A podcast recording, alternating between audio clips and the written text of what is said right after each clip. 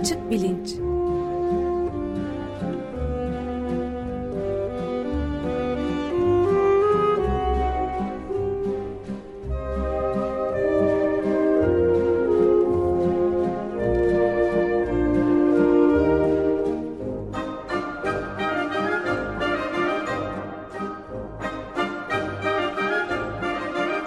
Güven Güzeldere ile bilim ve felsefe sohbetleri.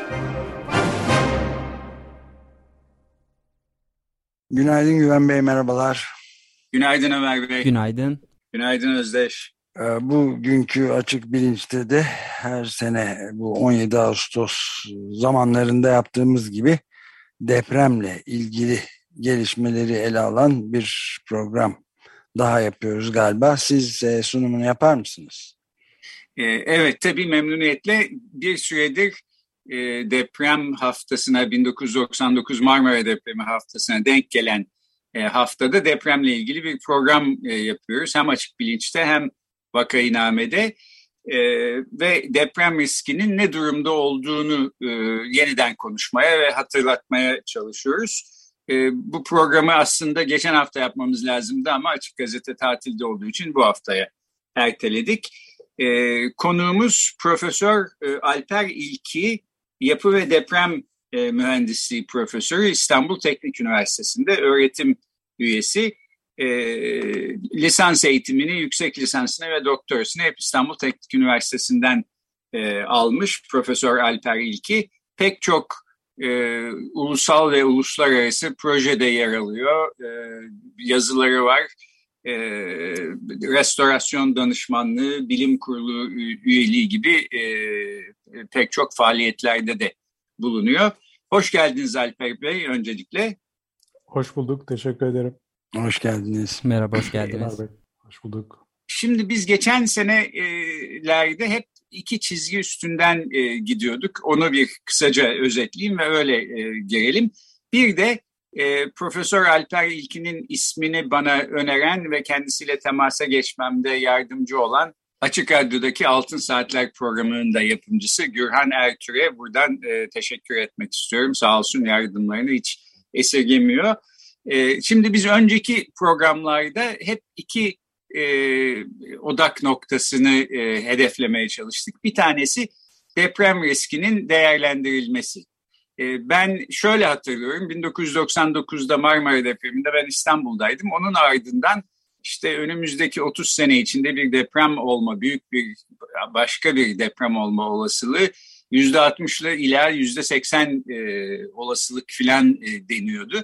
Şimdi bu doğru mu ya da revize edildi mi bilmiyorum ama o zaman 30 yıl denen sürenin bitmesine şu anda 7 yıl kaldı. Dolayısıyla e, o zaman e, yüzde 60, yüzde 80 diye düşünülüyorduysa bu olasılık şimdi çok daha yüksek olmalı herhalde. Ama pek çok yeni bilgi elimizde var. Deprem riski konusunda herhalde bugün 1999'a göre daha iyi bir öngörüde bulunabiliriz diye düşünüyorum. Birinci soru bu. İkincisi de daha pratik bir soru. Yani e, peki bu yaklaşmakta olan depreme karşı gerek devlet gerek belediyeler e, neler yapıyor, başka neler yapılmalı, neler yapılabilir. Biz e, bireyler olarak, vatandaşlar olarak e, herhangi bir şey yapabilir miyiz filan. Bunu da daha sonra ele alalım istiyorum Alper Bey. Şimdi e, izninizle deprem riski şu an itibariyle Ağustos ayının 2022 senesinin Ağustos ayı itibariyle nerede, nasıl bir yakın geleceğe bakıyoruz? Biraz bunu e, değerlendirir misiniz? Tabii Güven Bey. Yani aslında tabii benden böyle deprem olma olasılığı önümüzdeki şu kadar yıl, şu kadar gibi bir cevap e, duyarsanız çok memnun olacağınızı biliyorum ama maalesef bu cevabı verecek kimse yok. Bahsettiğiniz istatistik değerler belli kabullere, belli olasılıklara dayalı bazı tahminler. E, maalesef depremin ne zaman, ne büyüklükte, nerede olacağını hala e, bilmiyoruz. Belli bazı kabullerle bildiğimiz şey şu, dünyadaki en büyük e, riske sahip şehirlerden biri İstanbul. Bu gene belli bazı kabullerle, kabullerle yıllık aşağı yukarı yüzde beş, yüzde altı civarında e, bir olasılığa tekabül ediyor ki büyük bir deprem yaşama olasılığı bu şehrimizin. Bu da takdir edersiniz ki oldukça yüksek bir risk. E, dediğim gibi bunlar araştırmadan araştırmaya, e, kabullerden kabullere e, değişen e, bazı olasılıklar. E, bizim bilmemiz gereken ülkemizin çok büyük bölümünün deprem bölgesi olduğu ve bu bölgelerin her birinde deprem olma olasılığının e, az olmadığı, her gün bir yerden deprem haberiyle karşılaşabileceğimizi biliyor olmamız ve buna göre e, kendimizi hazırlamamız gerektiği. E, peki 1999'da e, deprem olduğunda işte belki sizin gibi insanlar böyle bir şeyin olabileceğini düşünüyorlardı ama benim gibi insanlar çok şaşırdılar. Yani hiç beklemediğimiz bir şekilde yakalanmış olduk. Ama 1999'da deprem riskine dair söylenenlere göre bugün herhalde daha e, iyi öngörülerde bulunabilecek durumdayız diye düşünüyorum. Çünkü pek çok ölçüm yapıldı, yeni veriler toplandı filan. E, böyle mi sahiden bugün e, depremin yani şu gün şu olasılıkla şurada olacak diyemiyoruz tabii ama bir parça daha iyi bir öngörüde bulunmamız bugün mümkün mü?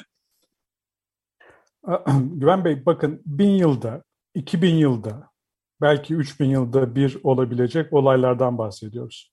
Bunların e, tekerrürüne baktığımız zaman belli ortalamalar, belli zaman aralıkları olduğu gibi çok ciddi standart sapmalar da var. Bu standart sapmalar mesela 100 yıl falan. Dolayısıyla yani 99'dan bu yıla bu yana e, geçen 20 yıl e, benim bildiğim kadarıyla e, depremin e, olasılığını şu şüphesiz arttırmıştır. Çünkü geçen zamanla beraber bir sonraki depreme yaklaşıyoruz. Ama daha spesifik olarak e, şu yılda şu kadar olasılıkla deprem olacak deme şansını net olarak bize vermiyor. Dediğim gibi aslında bakın Güven Bey bu taraf bizim uğraşmamamız gereken taraf. Hep buradan bir iyi haber veya kötü haber bekliyorsunuz belki ama Türkiye genelinde aşağı yukarı bakın iki yılda bir büyük deprem oluyor. Elazığ depremi, Van depremi, İzmir depremi, İstanbul Silivri depremi. Bunlar olacak. O yüzden bu noktada e, dünyanın hiçbirinde olmadığı gibi yani Japonlar falan da ne zaman olacak, nerede olacak falan bunları tartışmıyorlar. Amerika'da da bu tartışılmıyor. Yani bu, bu akademik çalışmalar yapılıyor. Bu akademisyenleri ilgilendiren bir konu. Bizim e, biliyorsunuz 2018'de en son Türkiye deprem tehlikeleri haritası güncellendi. Zaten en iyi bilgi oraya kondu. Onu açarsanız AFAD'ın web sayfalarında bütün vatandaşlarımız ulaşabilir. Şu anda e, 475 yılda bir beklenen deprem nerede ne kadardır? E, 50 yılda bu aşılma olası %10 olan depreme, depreme karşı gelir. Bütün bunlar haritada zaten ortaya konmuş durumda. O yüzden bunun ötesinde zaten daha iyi bilgimiz olsa deprem haritasını buna göre güncellerdik. Dolayısıyla devletin e, deprem tehlike haritasında nerede riskin ne olduğu belli. Bunların olasılıksal e, kabulleri de belli. E, bu, hiçbiri de az değil, hepsi yüksek. Bunun ötesinde e, daha bana göre doğru bir bilgimiz yok. E, Evet, burada aslında önemli bir şeye dikkat çektiniz. Yani e, biz faniler işte ne zaman olacak bu deprem, ne büyüklükte olacak, kaç kişi ölü ölecek falan gibi şeyler merak ediyoruz ama bunları belki merak etmenin bir faydası yok. Çünkü zaten işte bir şekilde olacak kendi e, doğal akışı içinde bu deprem. Ama e, belki başka konulara e, odaklanarak e, can ve mal kaybının azaltılması mesela e, üzerine odaklanarak biraz daha faydalı bir şeyler yapabiliriz. Bu da ikinci soruyu aslında getiriyor. Depreme hazırlıklılık açısından e, neler yapılabilir, neler yapıldı, bundan sonra neler yapılmalı veya bireyler olarak bizim yapabileceğimiz, sizin tavsiye edeceğiniz şeyler var mı? Ee, evet yani vurguladığınız için teşekkür ediyorum. Artık depremin nerede, ne zaman, ne büyüklükte olacağı konusunu bırakmamız gerekiyor. Ülkemizin ciddi bölümü deprem bölgesi. Burada artık biz kayıpları nasıl azaltırız buna bakmamız lazım. Burada iki temel konu var. Biri e, bugüne kadar ortaya çıkmış a, depreme dayanıklı olmayan yapı stoğunu biz ne şekilde can kaybını azaltacak veya engelleyecek e, hale getirebiliriz? Birinci soru bu. Bu çok kritik bir soru çünkü çok sayıda böyle yapı var. İkinci soru da bundan sonra yapılacak yapıları biz nasıl depreme dayanıklı hale getiririz? E, burada tabii şunu vurgulamak istiyorum. Ben bir inşaat mühendisi, yapı mühendisi gözüyle konuya bakıyorum. Burada çevresel açıdan, şehir bölge planlama açıdan, başka açılardan başka değerlendirmeler de yapmak mümkün. Benim ağırlığım yapı mühendisliği üzerine. Dolayısıyla yapıların yıkılarak can kaybına neden olmasının önüne geçme yönünde olacak daha çok. Şimdi neler yapıldı? Belki buna geldi sıra. E, iki tane yönetmelik değişti. Depremden hemen sonra yönetmelik çalışmalara başladı. Bunlar kolay olan çalışmalar değil, zaman alan çalışmalar ve 2007 yılında ki en son yönetmelik 98 yılında yayınlanmıştı deprem yönetmeliği. Maalesef bu yönetmelik doğru düzgün uygulanma fırsatı bulmadan 99 depremleri oldu. Ha 99 depremleri olmasa bu, yön, bu yönetmelik uygulanacak mıydı çok şüpheliyim. Çünkü yönetmelikler maalesef ülkemizde e, kağıt üstünde kalıyordu hep. Yönetmelikler hiçbir zaman kötü olmadı. Uzunca bir süre en azından. Ama maalesef uygulama yönetmeliklere uygun olmaktan çok uzaktı. Ve belki biz 99 depremlerini yaşamasaydık 1998 deprem yönetmeliği de uygulanmayacaktı. Ama öyle olmadı. 99 depremi ciddi bir bilinç uyandırdı herkeste. Devlette, mühendislerde, vatandaşlar. Hoş unutuluyor belki yavaş yavaş bunlar ama en azından o dönem bunu yaptı ve e, bir kere hemen yeni bir yönetmelik hazırlıkları başlandı. Çünkü tipik olarak deprem yönetmelikleri yeni bir bina nasıl tasarlanır bunu anlatır. Oysa Türkiye'de şuna ihtiyaç vardı. Mevcut yapıların deprem güvenliği nedir ve bu yapılar nasıl güçlendirilir? Ve 2007 deprem yönetmeliği özellikle bunu hedef aldı. Tabii bunun çalışmaları 2003 yıllarında, 2002 yıllarında başladı ve 2007 yılında yayınlanan yönetmelikte artık bizim mevcut yapıların nasıl deprem güvenliğini inceleneceği ve bunların nasıl güçlendirileceği konuları yönetmeliğimize ilk kez yer aldı. Bakın ondan evvel bir mevcut yapı nasıl değerlendirilir bu yoktu. Yapmıyor muyduk? Yapıyorduk. Ama ben kendi bildiğim gibi yapıyordum. Başka bir mühendis kendi bildiği gibi yapıyordu ve bunun bir standardı yoktu. 2007 ile bu geldi. Sonra ne yapıldı? Sonra 2018 yılında ki gene onun çalışmaları da 3-4 sene öncesinde başladı. Yeni bir deprem yönetmeliği çıktı. Bu deprem yönetmeliğinde yeni yapı yöntemleri, yeni teknikler, depreme daha dayanıklı yapı sistemleri, bunların testleri ve benzeri konular Türkiye'deki pek çok üniversitedeki öğretim üyesinin katılımıyla kurulan komisyon tarafından hazırlandı. Ve e, son güncel yönetmeliğimiz 2018 yılında yayınlandı e, AFAD tarafından ve hala da o yönetmelikteki ufak tefek e, geliştirilebilecek noktaların üzerinde gene komisyon çalışmaya devam ediyor. Yani deprem yönetmeliği açısından iki yönetmelik hazırlandı 99'dan sonra. E, ayrıca gene teknik anlamda 2011'de e, çıkan kentsel dönüşüm yasası kapsamında da benzer bir doküman hazırlandı. Riskli bina tespit esasları yönetmeliği. Çünkü şöyle bir konu oluştu 99 depremlerinden sonra binanın deprem güvenliğini incelemek bile oldukça zaman alıcı, ekonomik açıdan külfetli ve içinde oturanları rahatsız edici yöntemleri içeriyor. Dolayısıyla vatandaşımız bu incelemeyi bile yapmak istemiyor. Bazen bu incelemenin külfetinden, bazen de çıkacak sonuçları tahmin ettiklerinden ve bunu görmek istemediklerinden. Dolayısıyla bu defa biliyorsunuz kentsel dönüşüm yasası Kısaca söyleyeceğim. Çevre Şehircilik Bakanlığı, uzun uzun yeni ismiyle söylemiyorum şu anda. Herkes anlıyor ne demek istediğimi. E, kentsel dönüşüm yasasını çıkardı. Tartışılır, tartışılmaz. O konuya girmeyeceğim. Ama bu yasa kapsamında hangi binanın risk içerdiği konusunda bir teknik döküman hazırlandı. E, bu daha hızlı bir incelemeyi getirdi. Daha ekonomik bir incelemeyi getirdi. Bu dökümana göre binalar riskli veya risksiz olarak sınıflandırıldı daha e, net ve kesin bir çizgi var. Siyah beyaz. Deprem yönetmeninde gri alanlar da var. Can güvenliği, hemen kullanım, göçme öncesi, göçme gibi. Ama riskli bina tespit esaslarında riskli veya risksiz. Ne getirdi bu? Riskli binayı e, artık o binayı kullanamıyorsunuz. Çok kısa süre içinde boşaltmanız lazım ve veya güçlendirmeniz lazım veya yıkıp yeniden yapmanız lazım. Gene bu yasayla gelen e, gene ilginç bana göre olumlu bir şey şu. Eski yasalara göre ki bu kat mülkiyeti kanunu yapıyla ilgili herhangi bir karar almanız için 4 bölü 5 çoğunluk ihtiyacı vardı. Bu tabii hemen hemen hiçbir apartmanda sağlanabilen bir çoğunluk değildi. Yani binanızın depreme denkli olmadığını bilseniz bile eğer binada oturanların kat maliklerin dörtte beşte dördü buna tamam demezse bir inceleme bile yapamıyordunuz. Yeni gelen bu kentsel dönüşüm yasası kapsamındaki incelemeyle isterse yüzde bir hissesi olan bir kişi bile bu incelemeyi yaptırıp bu inceleme sonucunda binanın riskli olduğu ortaya çıkarsa e, gereken adımlar atılıyordu. Dolayısıyla böyle üç tane teknik dokümanımız oldu. Bunlarla ilgili bir yıl akademik çalışma yapıldı. E, 2012 yılında çıktı bu riskli bina tespit esasları. 2019 yılında bir daha güncellendi. Bunlar için teknik tarafı. Geçmişe bakarsak geçmiş yönetmeliklere ki mesela 1940 40'lardan beri yönetmeliklerimiz var. 39 Erzincan depreminden sonra ilk deprem yönetmeliği yayınlandı ülkemizde. Sonra da gelişerek devam etti. Ve e, bu 98 yönetmeliğinden bir önceki versiyon 1975 yılında yayınlanmıştı.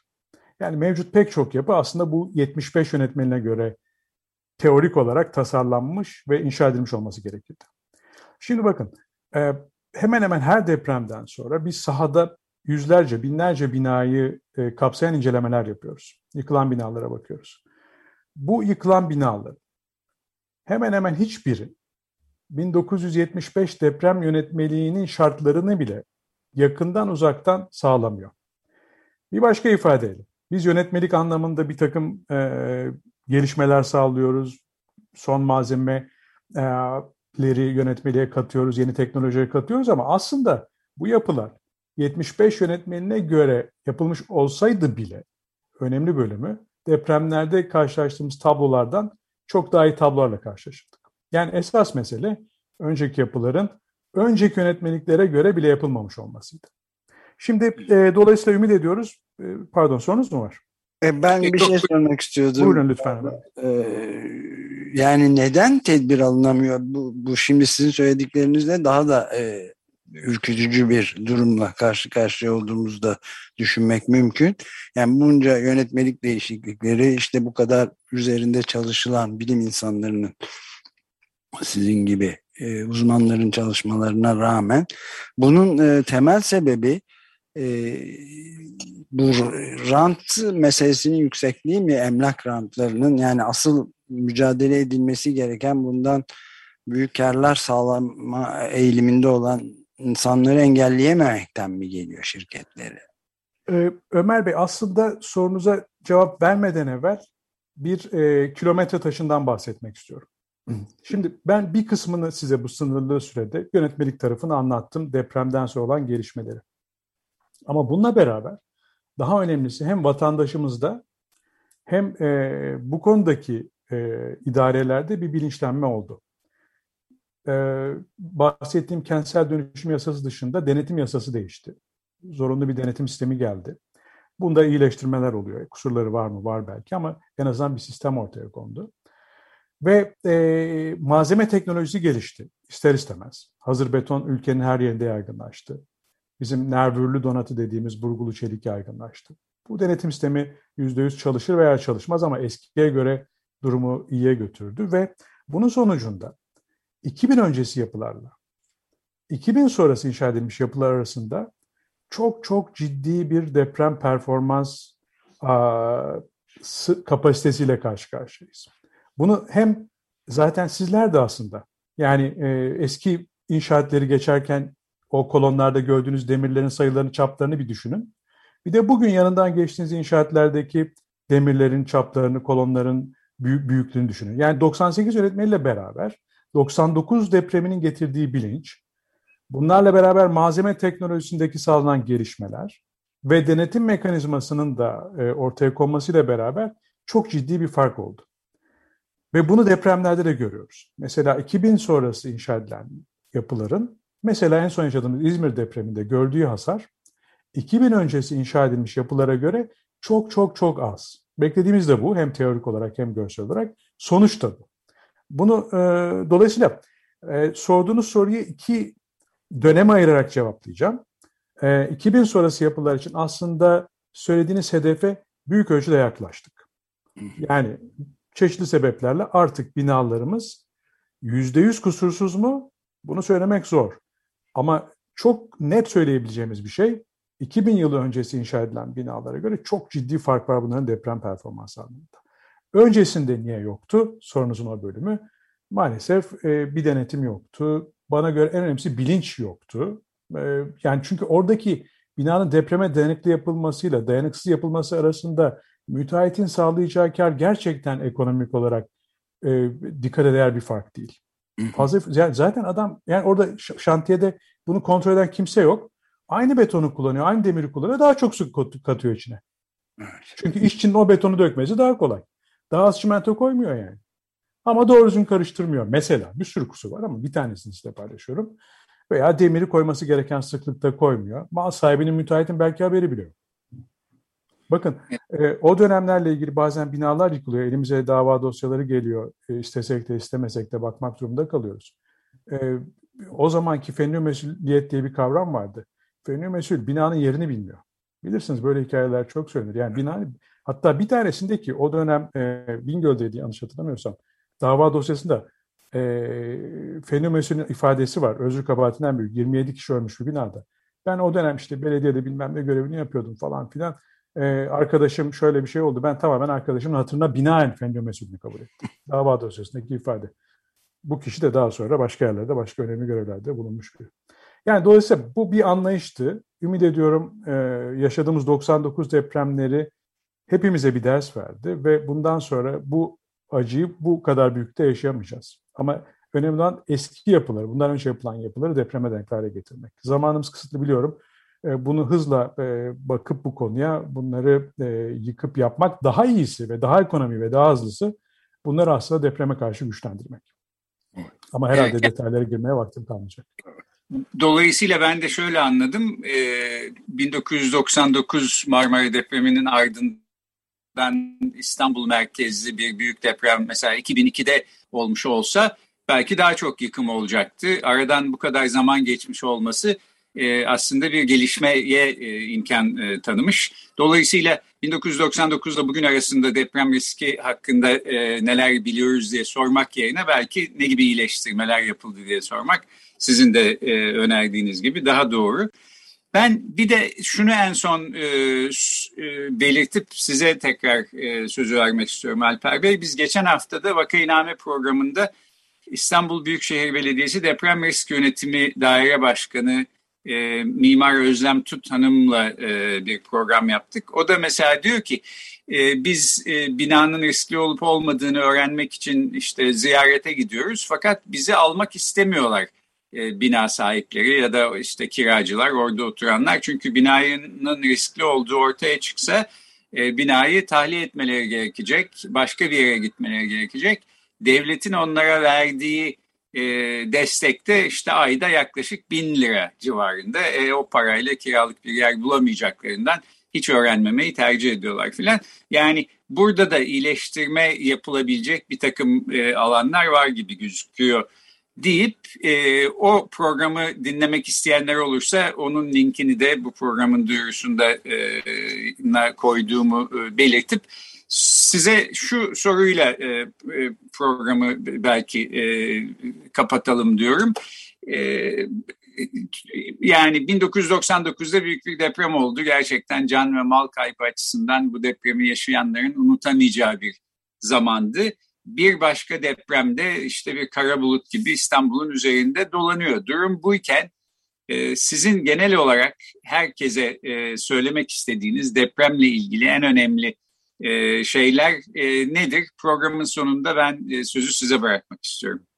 E, tabii Güven Bey öyle bir soruyla programın sonunu bana bıraktınız ki e, bu işte 30-40 yıldır kimsenin çözemediği bir problem ama çok kısa ve basit bir cevap vermeye çalışacağım. Aslında geçen hafta konunuz olan Özlem Turan Hanım'la da beraber çalışıyoruz aslında bu konuda. O yapılan inceleme hızlı bir değerlendirmedir. Ucuz, çok hızlı bir değerlendirmedir ve oldukça gerçek sonuçlar verir. Bizim önerimiz şu bu bütün problemi ele aldığınız zaman yani yönetmelik bazında depreme dayanıklı olmayan binaları biz depreme dayanıklı hale getirelim dediğiniz zaman bu problem çözülemez bir boyut alıyor. Bahsedilen yöntemde İBB'nin uyguladığı yöntemde aslında bina için bir a, güvenlik seviyesi belirliyorsunuz. Ve bu sıfırla yüz arasında değişiyor. Yüzün üstündekiler zaten depreme dayanıklı demek. Tahmin edersiniz ki burada depremde bize can kayıplarına neden olacak binalar bu deprem güvenlik puanı sıfıra yakın binalar. E, dolayısıyla bana göre yapılması gereken şey öncelikli olarak riskin seviyesini bu hızlı basit yöntemle belirlemek ki çok ekonomik bir yöntem, çok hızlı bir yöntem. E, bunun sonucunda en riskli olan gruba ki bu can kayıplarına neden olacak grup budur ve bu toplam riskli grubun belki yüzde yirmisi civarındadır. Buraya müdahale etmek. Bunu yaptığınız zaman problemi beşe bölüp beşte biri kadar küçük bir problemi karşınıza alıp Bununla mücadele etmeniz gerekir ki bu çok daha kolaydır. Maalesef bu yapılmadı şu ana kadar. Hep işte bahseden 700 bin bina, 1 milyon bina depreme dayanıklı değil. O zaman problem o kadar büyük ki buna ne Türkiye'nin Türkiye'nin gücü yetiyor, isterseniz İsviçre gelsin onun da gücü yetmez. Dolayısıyla problemi varsa küçültmekten başka bana göre çözüm yok.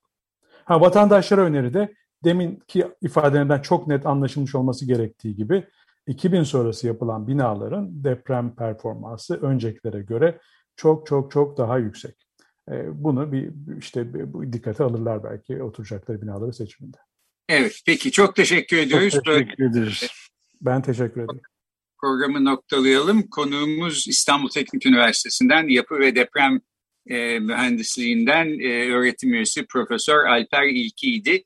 E, İstanbul'daki deprem riski ve yapılabilecekler e, konusunda yine e, her zamanki gibi, her e, senenin Ağustos'unda olduğu gibi bir deprem özel programı yapmış olduk. Çok teşekkür ediyoruz Alper Bey. Ben teşekkür ederim. Hoşçakalın.